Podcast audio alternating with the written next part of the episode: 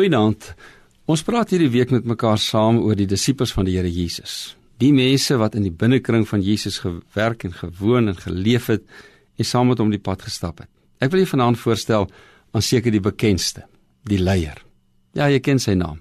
Sy naam was aanvanklik Simon, maar die Here Jesus het hom herdoop, het hom gesê jy sal Petrus wees, want jy is die rotsman, die sterk man, die leier op 'n stadium met die Here Jesus self gesê dat op sy belydenis dat Jesus die seun van God is, hy sy kerk sal bou.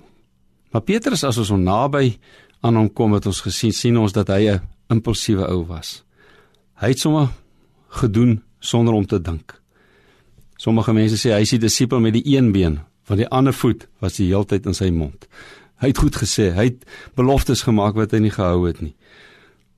By een geleentheid het hy vir die Here Jesus gesê hy sal hom nooit verloor nie. Hy sal saam met hom gaan tot die einde toe. En dan waarsku die Here Jesus vir Petrus: "Wees versigtig, want voordat die haan kraai, sal jy my 3 maal verloor."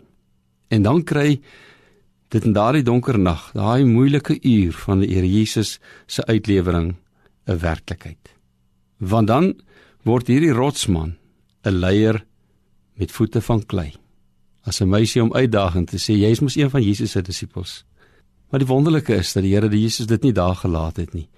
Na sy opstanding het hy by geleentheid gesê Ek vra jou Petrus 3 maal, het jy my lief? Jy het my nou al 3 maal verloon. En elke keer het Petrus gesê ja, Here, U weet, ek het U lief. En dan gee die Here Jesus vir hom hierdie wonderlike opdrag.